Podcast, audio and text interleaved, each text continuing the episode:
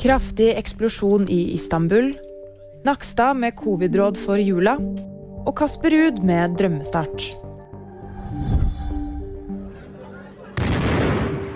Det har vært en kraftig eksplosjon nær Taksim-plassen i Istanbul søndag ettermiddag.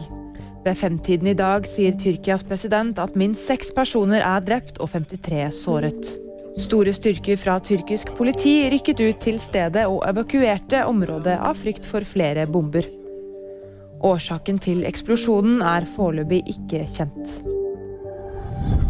Helsedirektør Espen Rostrup Nakstad tror vi får en normal julefeiring i år, til tross for den nye koronabølgen. Han råder likevel folk til å sørge for at alle som er til stede i sammenkomster i jula, er friske, og at man tester seg med selvtest, spesielt om man skal besøke eldre eller andre utsatte personer. Kasper Ruud fikk en drømmestart i den første kampen i ATP-finalen i tennis søndag.